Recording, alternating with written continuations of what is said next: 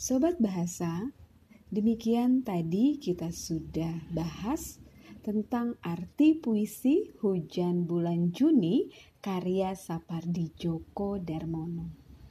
Demikian segmen kita kali ini. Sampai berjumpa di pertemuan berikutnya. Salam.